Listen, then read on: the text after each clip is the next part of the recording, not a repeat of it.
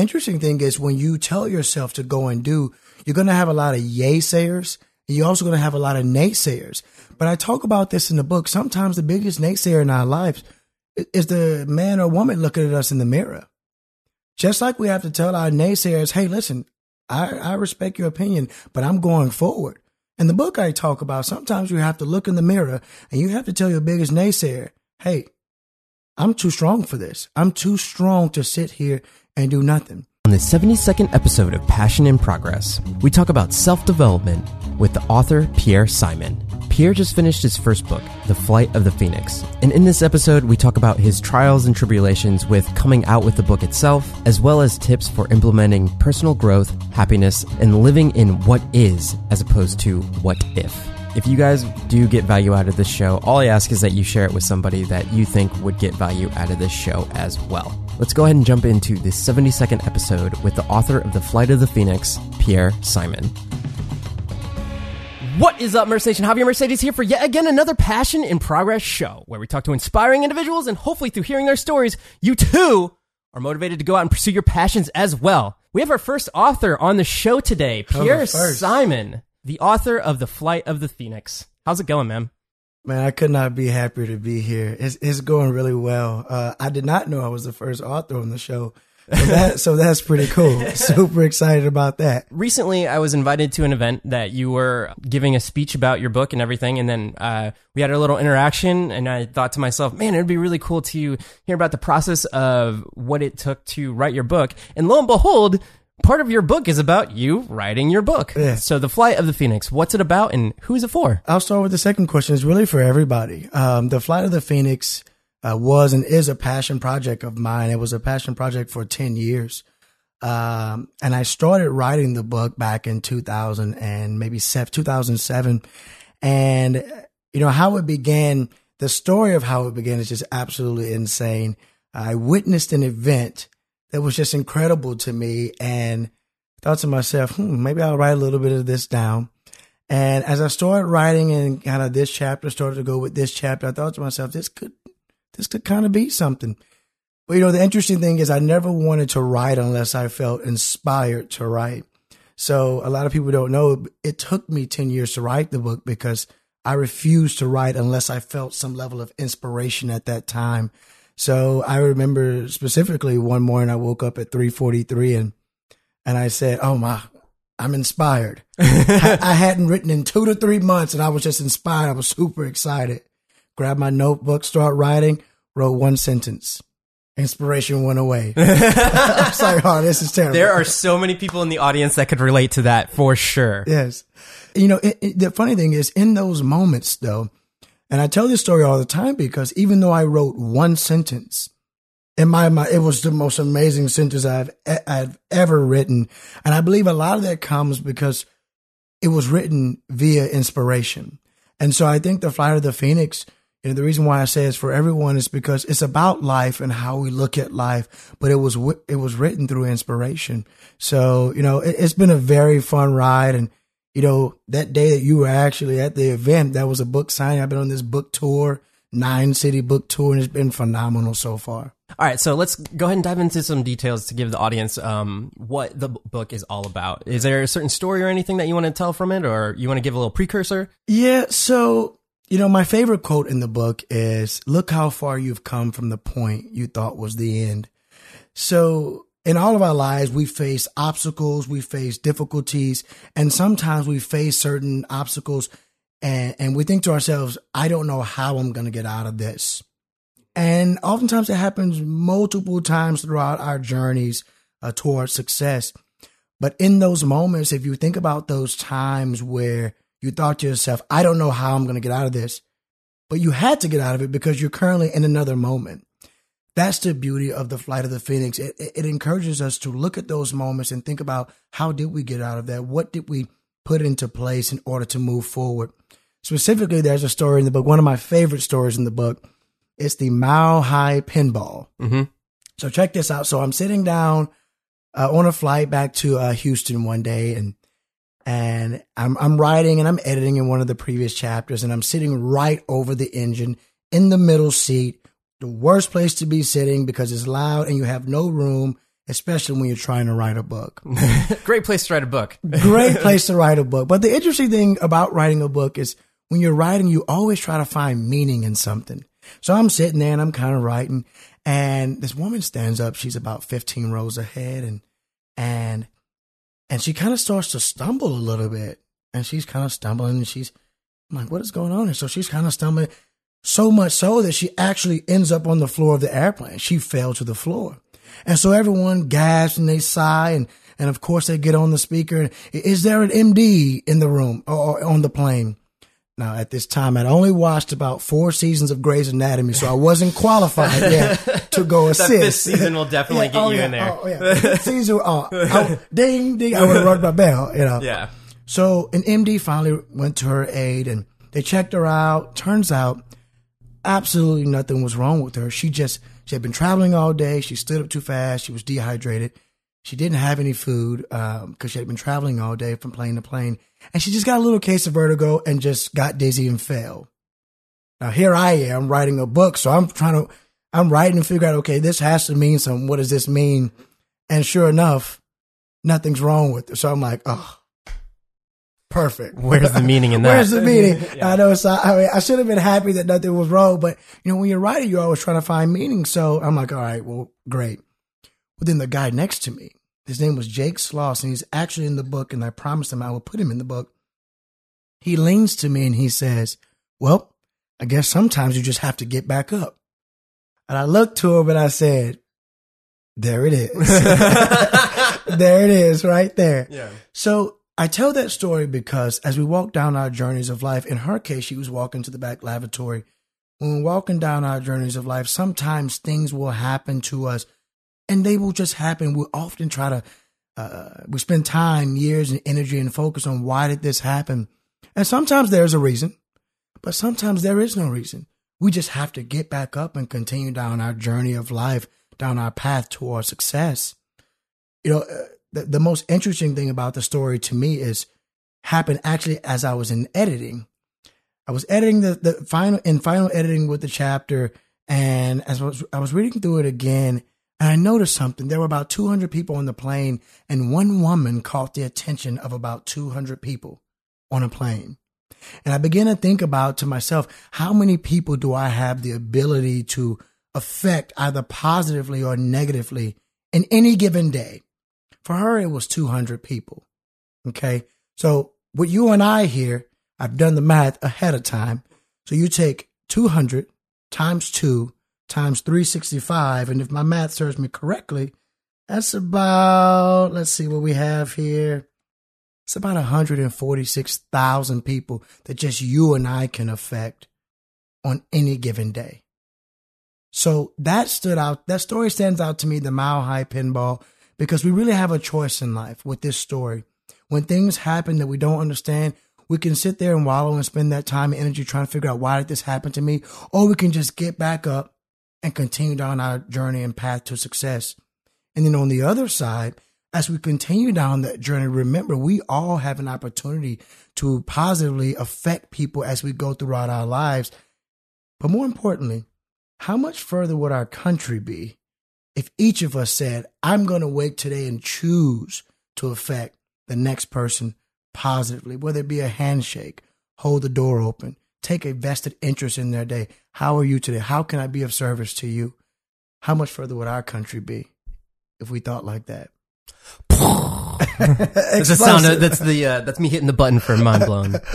Uh, per, a personal story of mine to to um, accentuate what you're talking about, and I'm sure everybody listening in the audience has some sort of story that could relate to the butterfly effect. I'm just so obsessed with that kind of um, interaction, and one action leads to another, and it snowballs uh, personally, when I was when I moved to Atlanta and I was hustling, doing four different freelance jobs, um, living on my brother's couch, like just graduated college, so I'm just like, sitting here trying to get a job in the field that I want to do, which was audio engineering at the time.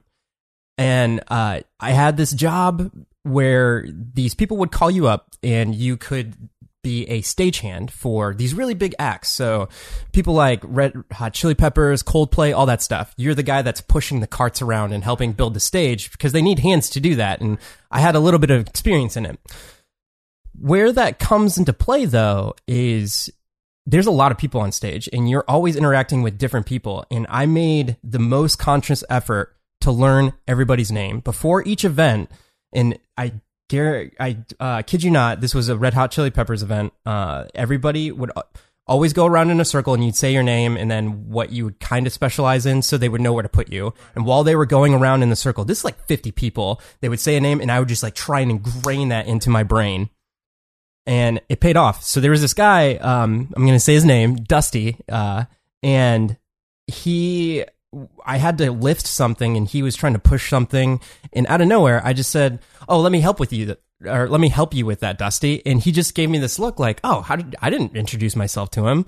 So then we kind of just like struck a conversation, whatever it may be. And a little bit afterwards, he uh, emailed me. I think I gave him my information, and he happened to be one of the lead sound technicians. Uh, well, actually, you might know the place, Gwinnett Arena. Yeah, yeah. So, so Gwinnett Arena is another arena right next to Atlanta, um, and it's where a lot of concerts and everything uh, happen. And it just so happened that he was working that day just to like get an extra buck and i just so happened to like go out of the way to like oh i know your name let me help you with this thing and it was coming from a good place, right? So that led to another free time gig where now I was doing sound in the arena. I was the guy mixing the soundboard or turning on and off the lights for bands like One Direction and things like that. All from me saying this one guy's name. Then that led to another gig, a full time gig at a, recording studio. Then that led to like my job at the Chive and all that stuff. All from one little thing of saying, Hey man, let me help you with this. Right. And just paying, it's,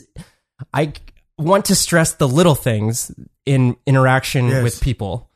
I mean, it's so amazing how connected the world really is. Mm-hmm. Uh, you can, you know, I found myself, I was in Iceland a couple weeks ago and I just randomly ran into a friend of mine who I hadn't seen in years. And it's amazing how connected the world can be, but it's more amazing how the world can be connected if we choose for it to be.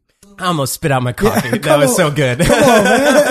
Let's snappity snap snap, man. yeah. You know, it, it's just amazing, you know, the level of choice that we have to to affect each other, to network, and more importantly, to connect. Mm-hmm. Those connections that we can make, you know, it, it's something that's always amazed me. Uh, and even, you know, being on this book tour, you know, I've been on a nine city book tour. We have one more city left in San Francisco, California, where I used to live the connections that have been made on this book tour. There are people who just come up and they just want to just talk. They want to converse. They want to just talk about life. How can we move forward together? Mm-hmm. What can I do for you? and wanting nothing from you. Yeah. It's amazing how connected the world can be if we choose for it to be. There is one quote that I was talking to before we got right. on the podcast. Could you say the quote and yeah. then could you relate it to maybe a story or something that has affected you personally in your life? The quote we're talking about, and I have to first say, you know, I feel, and I know everyone may feel this way, but I feel like I've always had the best father any human could ever have. So I always thank him uh, for making me and uh, who I am today, and really contributing to who I am today. He actually shared this with me. We were just kind of having a dialogue about different things that may happen in life and how we deal with them. And the quote goes like this: He says, "Son, gold is never purged in a freezer." But rather it must be sent through the fire in very high temperatures in order to burn off all of the impurities that halt it from being pure and precious. He went on to say, Embrace and outlast your fire, and you will come out the other end as pure gold. So, first off, fire quote. fire quote. No pun intended on the fire quote. no pun intended on the fire quote, but it, it, it's so amazing how how impactful that can be. So I, will share a story. Again, I was on a flight. Apparently, I was flying the whole time I was writing this book, but yeah. I was on a flight and and this is in the book. And I'm sitting on the window at the window seat, and the captain comes on. I'm flying into Atlanta, Hartsfield, and he comes on as we're getting ready to land his normal. You know, ladies and gentlemen, we are now about to make our initial descent to Atlanta, Hartsfield, Jackson Airport. Flight attendants, please prepare the cabin for landing whatever else they say. You can tell you've flown maybe once or twice. yeah, once or twice. You know, that year I had like 252 segments flying. But so I'm, I'm looking out the window and when I tell you the, the way the gases mixed with the with in the sky, it was the most beautiful sight any human could have ever witnessed. I mean, the the sky was adorned with a kaleidoscope of colors, your blues, your reds, your yellows, and it was just absolutely beautiful. And you could actually hear people looking out the window and just seeing them sigh at the at the beauty of the creation that that was there to be witnessed. And then Captain Hagen comes back on and says, Look, ladies and gentlemen, we're now about to make our final approach into Atlanta Hartsfield Jackson, where the weather is 60 degrees, gloomy skies, visibility is, is one mile. And I'm thinking to myself, wait a minute. Now, in the book, it's called The White Side of the Cloud, and it's about perception. Here we are in the same space, okay? But on the top of the cloud, it's the most beautiful thing that I've ever seen. Beautiful. But in the same space below the cloud were all the makings for the most gloomy day anybody could ever witness. One mile of visibility is not great. Gloomy, one mile visibility, cloudy, rainy, wet, not the greatest. But what I took from that story, comparing it to the quote that my father gave me, is regardless of where you are in life, your perception will determine how you perceive where you are in life and if you continue to push through that fire. Because we were in the same space. But are you going to allow your perception to be above the cloud? Or are you going to allow your perception to be below the cloud in the same space? You know, when I hear my father talk uh, talk about that quote, and when, we discussed it after the book was published, I asked him. I said, "Why? What made you con- continue to put this quote out there all my life?" And he said, "You know, gold doesn't remember how it became gold. That right there is gold too." I was about to, I was about to just cuss right there. Like, oh man, that's such a good quote. yeah, yeah, gold doesn't remember how it became gold. It's just gold. I equate that to oftentimes in life, we always say, gosh, man, I miss the good old days. Well, if you think about it, those good old days that you're talking about, you were never in those days and just paused and said, I think I'm living the good old days right now. You never thought that to yourself. You just lived and you became and you dealt with things and you got past it and you grew and you got better. So now you look back in retrospect and you say, man, we were living the good old days. So what I encourage everyone to do, just like the gold that doesn't remember becoming gold, make new good old days. We control the destiny of if we make new good old days, even in the process of being purified. The only thing I would be a devil's advocate to that would be the concept of learning from your mistakes. So obviously right. you wanted what would you say to learning from what has happened in the past? Perfect question. So in the in the book there's a chapter called what if versus what is. And it starts off uh, kind of with a, hyper, a hyperbole of what's the difference between what if versus what is. And when you break it down in its most simplistic form, the difference is one ends with F and the other ends with S. That's the most simplistic difference. yeah. But as we get into it, the what if is basically everything that has happened, what you really can't control because it's already done.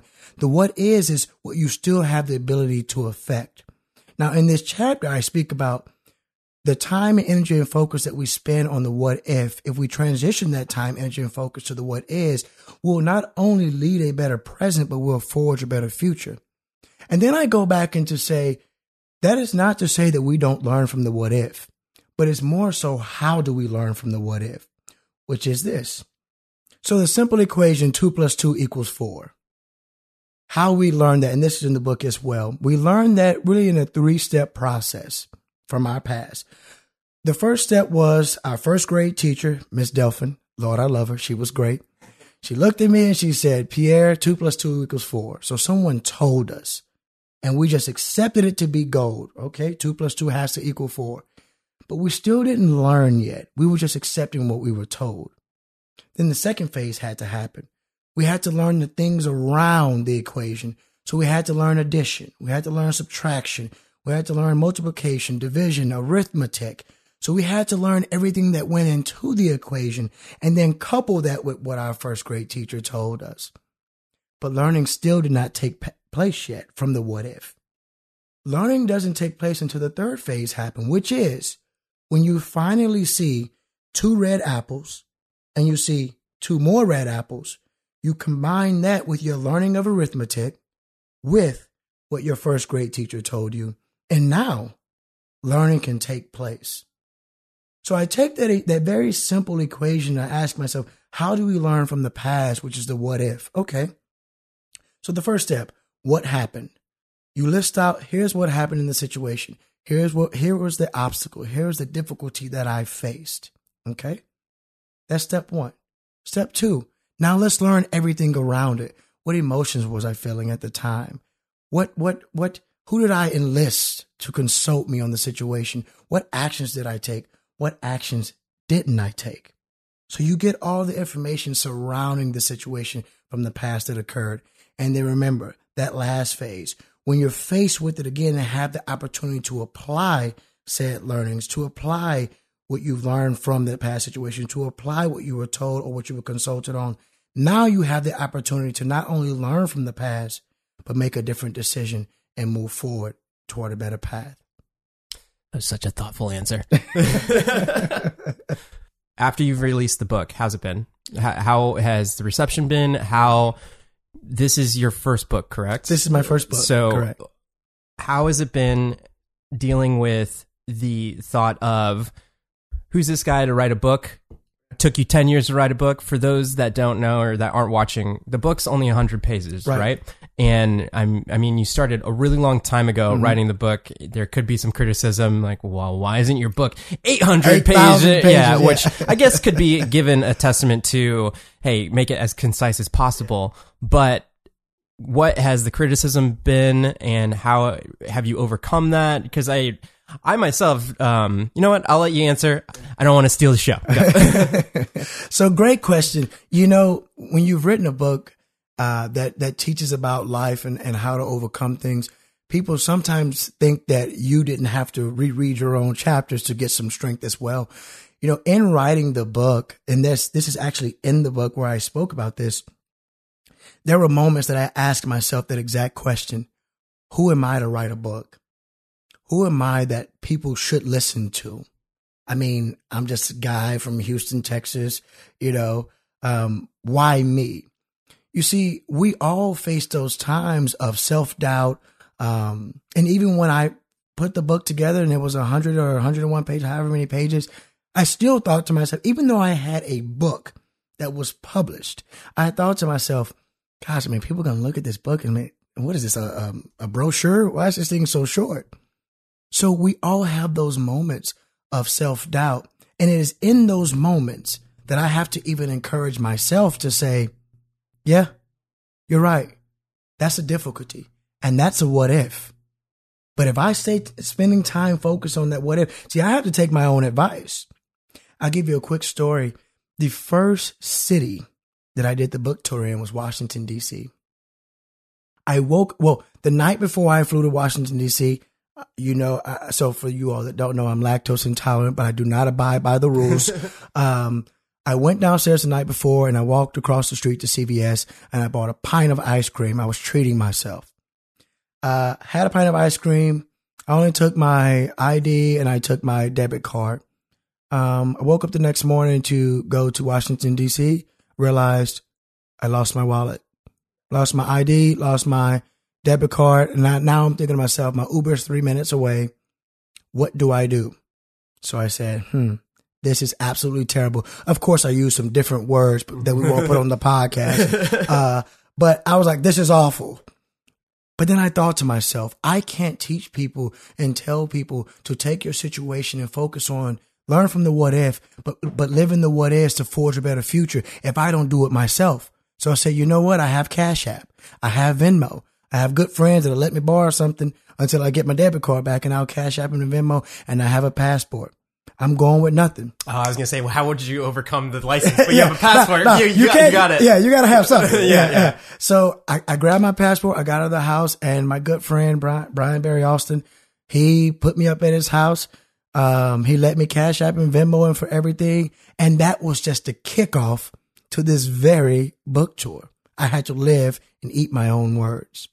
So long answer, but No, man. I think that's super powerful. I think the reason I asked that is because there's a lot of people in the audience, in myself included, that when I took the leap to start doing YouTube and this podcast in general, who am I to take people's time away and be? I feel like podcasts are a very intimate situation because you are asking to be the closest to their earlobes and like into their brain. You're literally speaking to you right now, the listener.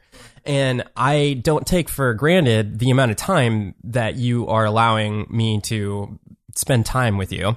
So that in and of itself, my f- I feel so bad going back and listening to like just my first 10 podcasts. Not only that, interviewing my guests, Yeah. but I think my fourth interview was so bad. I, I just I felt so happy that the guy was understanding for it. Yeah. But I want to drive across the point that you have to just start doing something. Yes. And I think a lot of success comes from people realizing that if you set forth to do something, you say you're going to do it, and you mm-hmm. actually start implement, even if you didn't even say you were going to start doing it, Right. just by your actions in and of themselves are more way more powerful than you saying you're going to do something. There was a diagram I just saw, and I can't. I'll try and replicate it as much as possible. But it's I like coming up with a great idea, like talking about a great idea, mm-hmm. then like planning it, and then there's an arrow going. The the next step is releasing it out to the world. Yeah. But then the arrow goes right past that step, and then it says thinking about really awesome stuff, and then and then it just creates the loop again. And if you don't finish stuff, Yeah.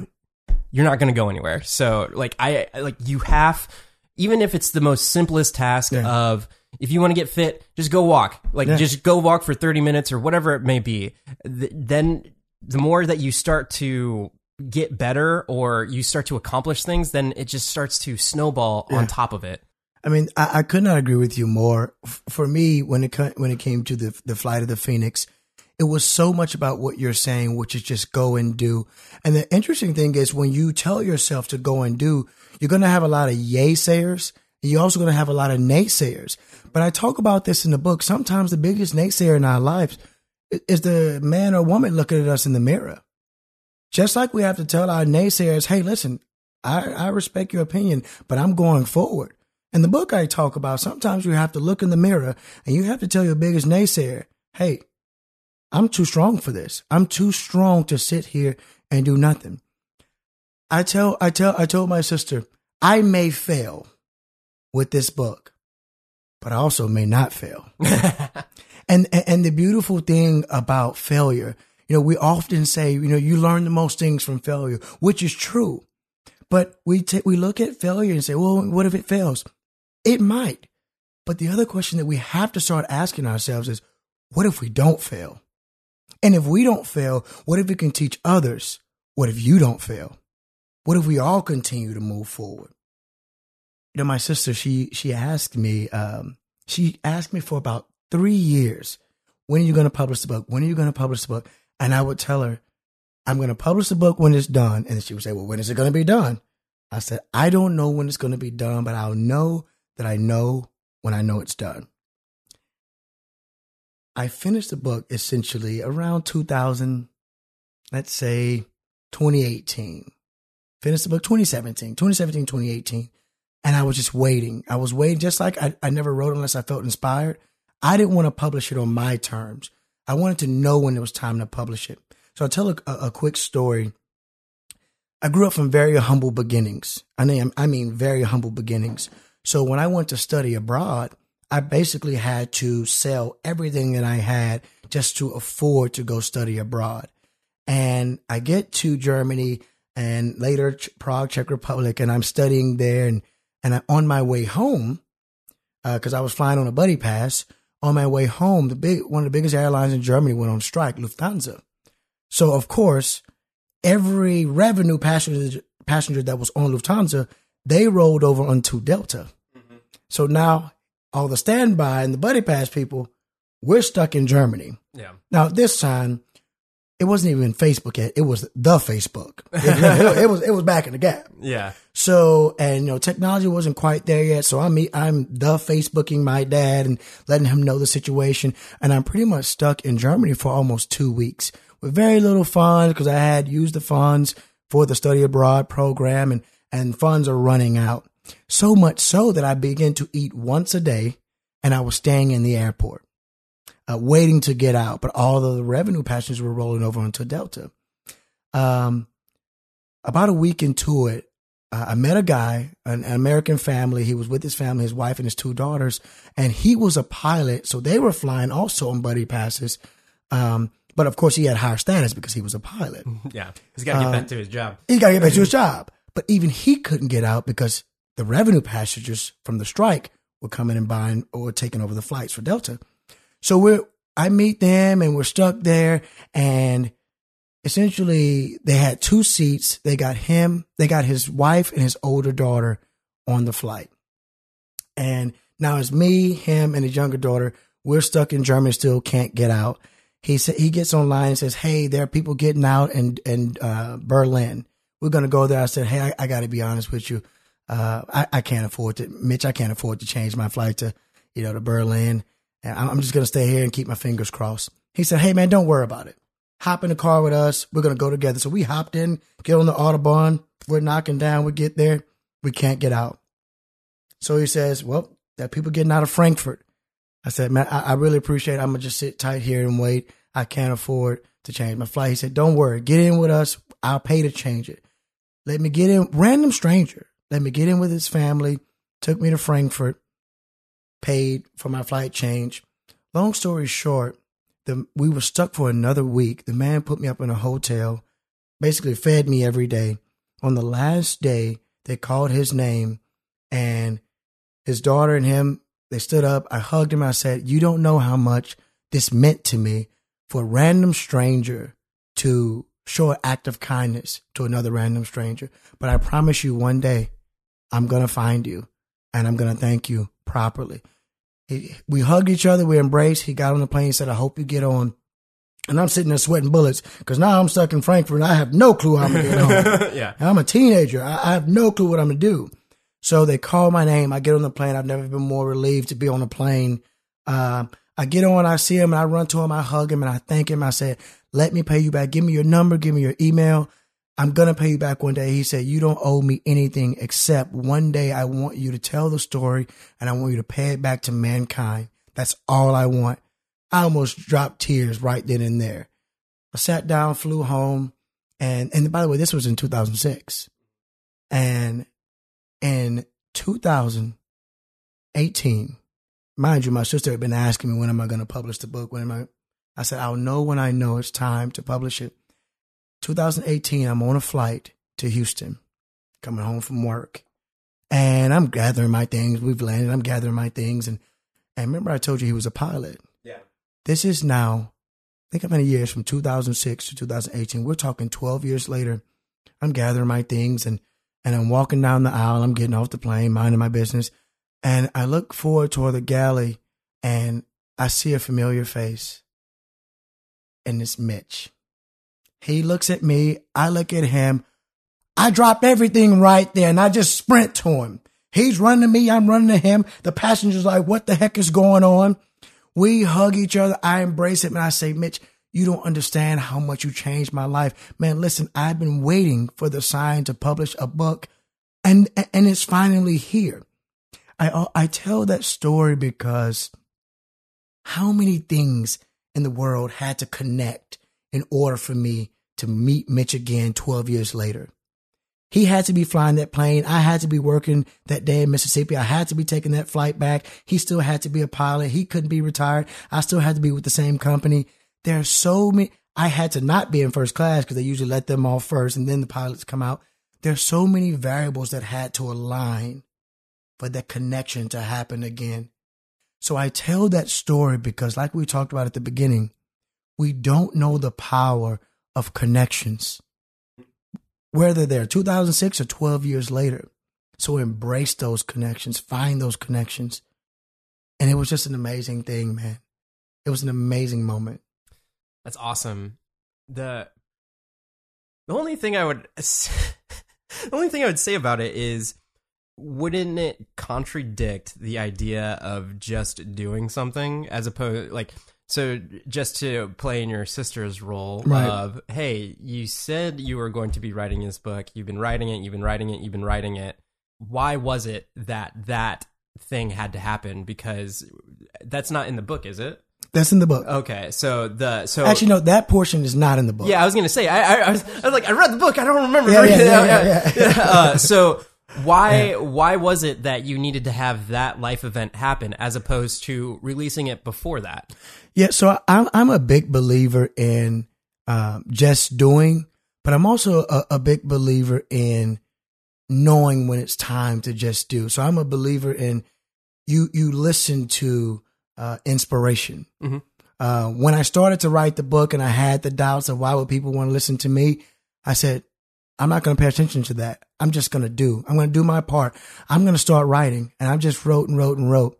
I got it. So it's more coming from my from my opinion of what I'm understanding. It's more I'm doing it for me, and I'm not going to be doing it for others. Right. And the, in in and of itself, knowing that I am enough to just dictate when I need to do this. Right. I'm doing it on my own terms. Right. It- because if you're doing anything for someone other than yourself, are you really doing it? Are you doing it for someone else? So when she continued to ask, when are you going to publish? It was never a question of when I was, if I was going to publish the book. The only question, and I, and I didn't know what the event would be to cause me to publish it, but I knew and I just felt that there would be something specific that I would be at peace and say, now it's t- the universe says it's time to publish it. But here's the other thing. I believe that if I would have published it before, prematurely, I wouldn't have even had the understanding of some of the chapters between finishing and the experiences that I experienced after finished writing and the experiences from actually publishing it. After writing the book, for example, the Mile High Pinball initially, it was just, it was just nothing was wrong with her. Sometimes we have to just get back up and continue down our path. It wasn't until the book was finished and it was in final edit that it really sunk with me that not only do you have to get back up, but the other side, we have the opportunity to affect more and more people. And I believe that that inspiration came because when I looked at the status of our country, that wasn't, it, it was the case, but it wasn't nearly as much as it is right now as far as people not choosing to positively affect. So I believe that yes, sometimes we have to just do and do our part. Get to writing if you want to be a writer. Go to the gym if you want to if you if you want to, you know, be healthier. Make a meal plan, but also listen to inspiration. Mhm. You have to listen to inspiration. Awesome. Uh, so there's a couple questions I ask at the end of each podcast. First one is, why do you do what you do? I have a yearning and a drive and a hunger to see people live a life of no regret. There's actually a chapter in the book called No Regret and another chapter called 3210. Uh, and both of those really stem around, you know, everything in life, including life itself, the clock will eventually tick down to zero. How you live those tickings of the clock will determine what legacy you leave on this planet. You know, as great as Steve Jobs, as great as he was, and, and all the innovation that he left behind, and all the money that he made, the most impactful thing Steve Jobs did for me at the very end, he said, You can make all this money, you can change lives, you can be innovative, but remember, you can't pay someone to carry the disease for you. He had pancreatic cancer. You, you, you basically what he was saying was, you can't take it with you. So what you have to find is find the things that make you happy. Find the things that you can do to make someone else happy. You know, there's a famous quote that everyone knows. People, uh, let's see how it goes. People will remember like half of what you do, but they'll always remember how you make them feel. I relate that to speeches. Right. So whenever somebody's giving a speech, you never really, like, even a week out, you won't remember what that speech was Right. about, but you definitely remember how you felt during that speech. You definitely remember how you felt. So what what drives me, you know, if I'm speaking at a high school, if I'm speaking at a university, if I'm doing a podcast, this is my first one, or if I'm doing a book signing, if I can connect with one person and show them that regardless of what they're dealing with, there is a way to continue to move forward towards your path of greatness, down your path of greatness. Regardless of what you're dealing with, you, you can create and leave your legacy in the wet concrete of life. If I can do that for one person, my purpose is served. You strike me as one of those guys that if you are a close friend or even an acquaintance, you bring up everybody that's around you. I hope so. it's uh, like if anybody's ever feeling down or whatever the situation, or you could be having the best of times, like just enter in Pierre and you you could add ten more percent to to to, to, uh, to the happiness. Right. Um, second question is: in order to get to where you're at today, let's say way way before when you wrote that first inspirational sentence, right. best sentence you've ever written. Best sentence uh, where, what advice would you give to somebody to finish? What to get to the place where, hey, we're having a conversation about a book that you published. Somebody wants to write a book. What advice would you give? The advice that I would give is um, make sure, first off, whatever you're doing, whether it's writing a book or starting a cooking channel, whatever you're doing, make sure that you're doing it for the right reason. And that reason needs to be this is something that you, you're hungry about, something that inspires you, and something that you actually love. You know, when you do what you love, even for your career, you don't feel like you're working. You almost feel like you're stealing. Guys, they're paying me to do this. So that would be the first thing that I actually recommend people do. Make sure you're doing it for the right reason. But the second thing would be exactly what we talked about, which is sometimes you just have to do. You know, I talk about in the book, and there's a part in the book where I literally say, whatever your change is that you need to incorporate in your life, stop reading right now. Literally, and I, I wrote this literally stop reading and go and do that. Start it right now. You know, the biggest thing with humans, we're such creatures of habit that trying to break those habits and to do something different. For example, most people brush their teeth every day. I know I do. But also, most people start on the same side of their mouth every single day when they brush their teeth. I never thought about that. I saw every, every mind blown. yeah, mind blown. Every time I brush my teeth, I start bottom left. Every time. I was speaking to a high school the other uh, last week, and and I asked. They said, "Yeah, of course I do." I said, "But why?" They said, "Well, this is what I do." But here is the true reason why. There is no incentive to change. So for those same people, I don't know which side you start, and I'll say maybe upper right. Mm-hmm. For, for you and I, I start bottom left, you start upper right. If someone walked in right now and said, I will give you $1 million to change which side you brush your teeth on, you would change what side you brush your teeth on because there, there's an incentive. So, what I tell everyone when it comes to your passion, step one, make sure you're doing it for the right reason. Step two, sometimes we have to just go out, start, and do.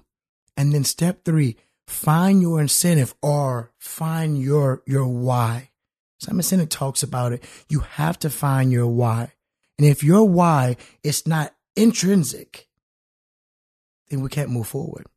You know what's funny is I, I started asking that why question um, before, mm-hmm. and I didn't know. I, I knew of Simon, but I didn't know that. Oh, that that definitely stems from hearing other podcasts, and but yeah. they listened to him right. in that book that he wrote. Right. The other thing is that I think it is okay that from day to day, if your why changes. Oh yes you don't know where you're going to be in a year. So I I think some people can get so obsessed with, man, is this like the perfect right? If I, I relate this to if I were to ask you, so what do you do for a living? And that could change from day to day. Like some days you could be in a situation and you could be like, well, I actually just wrote a book. Yeah. Or it could be like, oh, I'm in sales or yeah. whatever that may be. Depending on who you're talking to, sometimes you might want to say different things, you know? I couldn't agree more. You know, when we talk about finding your why, I always bring it back to like you said, the why can change. You know, when I was a kid, if you ask every kid, what do you want to be when you grow up? Chances are, once they actually do grow up, they're probably not what they said they wanted to be. Now, there yeah. are some. I mm-hmm. wanted to be an astronaut, which I have no desire to do that right now. Shout out to NASA, nothing against astronauts. but the point is, our whys change, and oftentimes that comes from our influences, our experiences, things that we see, and that, and it's okay for it to change. And even when I'm speaking to high schoolers, I tell them it's okay to not know what you want to be, but you need to understand why you want to be. So you don't have to know the what, but knowing the why, even if it's to affect lives, to to to change lives positively, to to be great, to leave a legacy, find out what makes you happy. And that may even change or be altered. But if you live a life of living and what makes you happy, I mean, it's almost impossible to fail. Almost. What's an actionable step to what you just said? What's what? What's an actionable step for, to for people listening right now? What's an actionable step to the advice that you're giving? I say this in the book. Actually write it down. And go. here is why. There, there's science that shows, and Harvard actually studied this, that things that we write down we're much more likely to do because we naturally as humans, we want to, we want, we have a desire to accomplish things. I'm so bad that I will do stuff, go back to write it down just to cross it off. That may be the Capricorn in me. I do that. But I would say the actionable step is to write things down that you want to accomplish, accomplish them and check them off the list, move forward. so recently I've started to write three things for each day, and it makes leaps and bounds. Now, some people could say, "Oh, I'm not a list person." Write it down, see what starts happening, and th- don't make it something so lofty like, "Oh, I'm going to finish this book today." Right. like that whole thing. For me personally, I'll give you an example. Uh, just yesterday was in order to move the needle forward in where I want to be. It's send an email to so and so about an interview. It's oh, make sure that I uh, send you this calendar invite to make sure that you know when to come, uh, the address to come. Make sure that's all there. You Right. know that that kind of stuff. And then also, I want to edit and get out my assets for my podcast. I want to make sure I walk 30 minutes today. Put that down. Or I want to drink a gallon of water this Right. day, or whatever that may be. It could be something so simple as write that email to that person. And once you got that done, cross it off and move on to the next thing. But it's so powerful to, if you start having intention behind your actions from day to day, that's that's the rocket. That there's the NASA Yeah, right there. there's the NASA, Yeah. right? Um, That is amazing. I was I was just telling my buddy yesterday that you know when we look at marathon runners, we're amazed. I mean, what is it, twenty six point two or twenty six point one, Yeah, point yeah, one, something- like yeah, that. yeah. So a lot of miles. Mhm. But the, mo- the most beautiful thing to a marathon to me is every single marathon that's ever finished starts with one step. There's not one marathon that started with ten steps. it's literally one step. And that's what the what the beauty of writing things down. Yes, you will reach your marathon. You will reach that finish line. But it will start with one step, and that's for everybody. Take that one step, write that one thing down, accomplish that, and one day you will be at that finish line. Now you may not finish first if it's a marathon, because I won't, yeah. but you'll be there. you will finish something. You will Yes, you have your will. product out in the world, and people will have a better understanding Right. of your principles as a human being. Yeah. I think there's a lot of concepts that are reiterated on this podcast. A lot of what we've talked about, other guests have brought up, uh, and a lot of the stuff that I listen to, self development, business, entrepreneur, all that kind of stuff.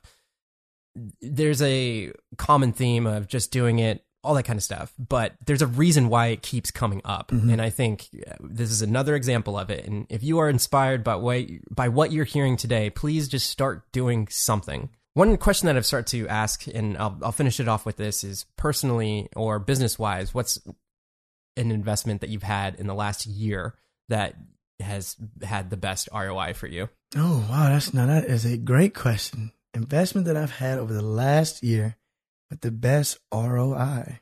Within the last year, I have taken, I- and this is actually my favorite investment, uh, probably in the last 10 years. I've taken on two additional mentees.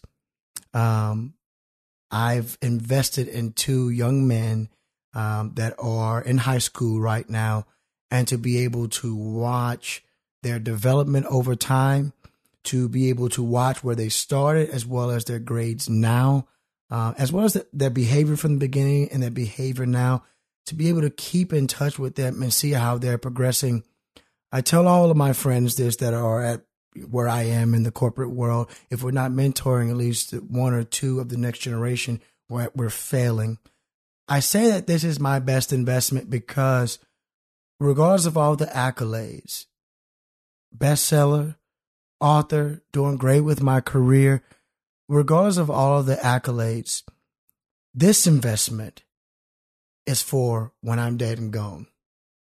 When I'm gone, the legacy that will be left behind will be one that one of greatness, one of overcoming, one of you telling someone that you can make it, but more importantly, let me show you the way. Let me give you a blueprint with hopes that they do the exact same thing and it continues to trickle down. When we talk about stories that were passed from generation to generations, the Dr. MLKs, the JFKs, the reason why their stories are passed down is because their investment was not just into something, their investment was into a cause. And they were willing to die and give everything that they had for the progression of a cause. And that's why those people will be will be remembered for a lifetime, for lifetimes to come. That is probably my best investment that I've made recently. Investment in the future. It's interesting because you didn't say your book. no, I, I mean, I, I, love the book. Yeah. Um, I love my book, and I've it's great. It's gotten great reviews, and and people are really get. I mean, every day I'm getting text messages, I'm getting emails, you know, reviews, and people are loving the Flight of the Phoenix, living forward. And I love the book, and there are more projects coming. But when it's all said and done, there's gonna come a day when, just like normal process of things, the book buzz will go down but the legacy that I leave with the next generation and the legacy they will leave with the next generation, that is what will cement the flight of the Phoenix. That when we think about the Phoenix, how it faced the biggest difficulty in the world, faced its own death, and was reborn. The only way it could be reborn, mythically, and, and live a longer life, and its wings would burn uh, further, it would fly higher, and would be stronger. He had to face that. He has to. They had to face death and that's what I want to do and impart upon the next generation. So, yes, I love my book, but my greatest investment is into the next generation. In people. In people. Speaking of your book, where can people find it? Excellent question. So, um, uh, most of my uh, social media is, is the exact same. Try to make it simple. It's at Mr. Pierre Simon. Can you spell it just for? Yes. At Mr. Pierre Simon is M R P I E R R E. S I M O N. That's my Instagram as well as my Twitter. Uh, the book right now is found on Amazon. It's found on Barnes and Nobles, Apple iTunes, Nook, Kobo, Kindle, Friesen Press. Basically, everywhere that you can buy a book online, The Flight of the Phoenix Living Forward is available. Uh, I have the links on my social media. Um, Unfortunately, if you haven't made the book tour yet, there's only one more city in San Francisco. I'll be posting uh, the location on my social media. If you want to come to San Francisco, we're actually going to do a book signing on the Golden Gate Bridge. Wow. So I'm super excited about that. Yeah, I'll have a link to the book in your socials on the podcast notes. Mm-hmm. Um, thank you so much for your time, man. Great yeah. conversation. I hope at least one person yeah. was uh, affected by this and will go out and start doing – the things yeah. that they have in their mind. Yeah, I really appreciate you having me. Like I said, this is my first podcast. Uh, didn't know what to expect, uh, mm-hmm. uh, but just talking about it, and like you said, if one person is affected positively, job is done. We can move forward to the next day yeah, I'm very tempted. No, but if you're listening right now, I just like dab on some passion. yeah, that was a very great dab. All right, guys. Until next episode, I would really appreciate it if you did get value out of this episode. If you would share it with a friend, you could also hit up Mr. Pierre Simon on all the socials and myself if you want to tag us and say, "Hey, listen to this awesome podcast. Was inspired." I'd be like, "Cool, this is awesome." Yeah, love getting the feedback. Till next episode, live a life of abundance. I'll see you guys next time.